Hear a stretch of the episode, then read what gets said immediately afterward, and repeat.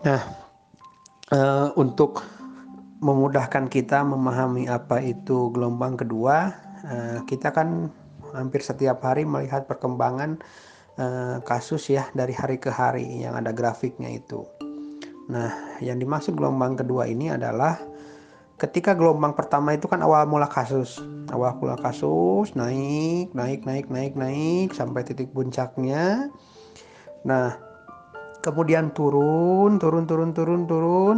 Nah itu dinamakan gelombang pertama. Jadi uh, kayak ombak om, gelombang pertama itu adalah gelombang yang pertama kali datang ke pantai gitu. Kemudian tadi kan grafiknya grafik gelombang pertama kan naik naik naik naik. Titik puncak turun. Nah, ketika turun ini kadang-kadang secara psikologis masyarakat mengartikan ah ini udah landai, corona sudah selesai, sudah santai lah. Nah, tekudu siun, tekudu physical distancing, tekudu pakai masker, tekudu naon gitu. Uh, kemudian juga aturan dari pemerintah mungkin memberikan relaksasi akhirnya masyarakat terlena dengan kondisi seperti ini.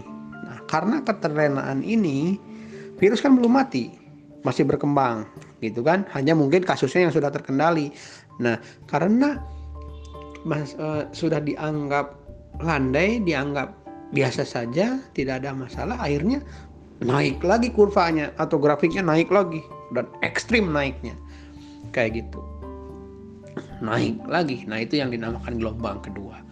Ini harus sangat diwaspadai, jangan sampai terjadi gelombang kedua seperti ini. Nah.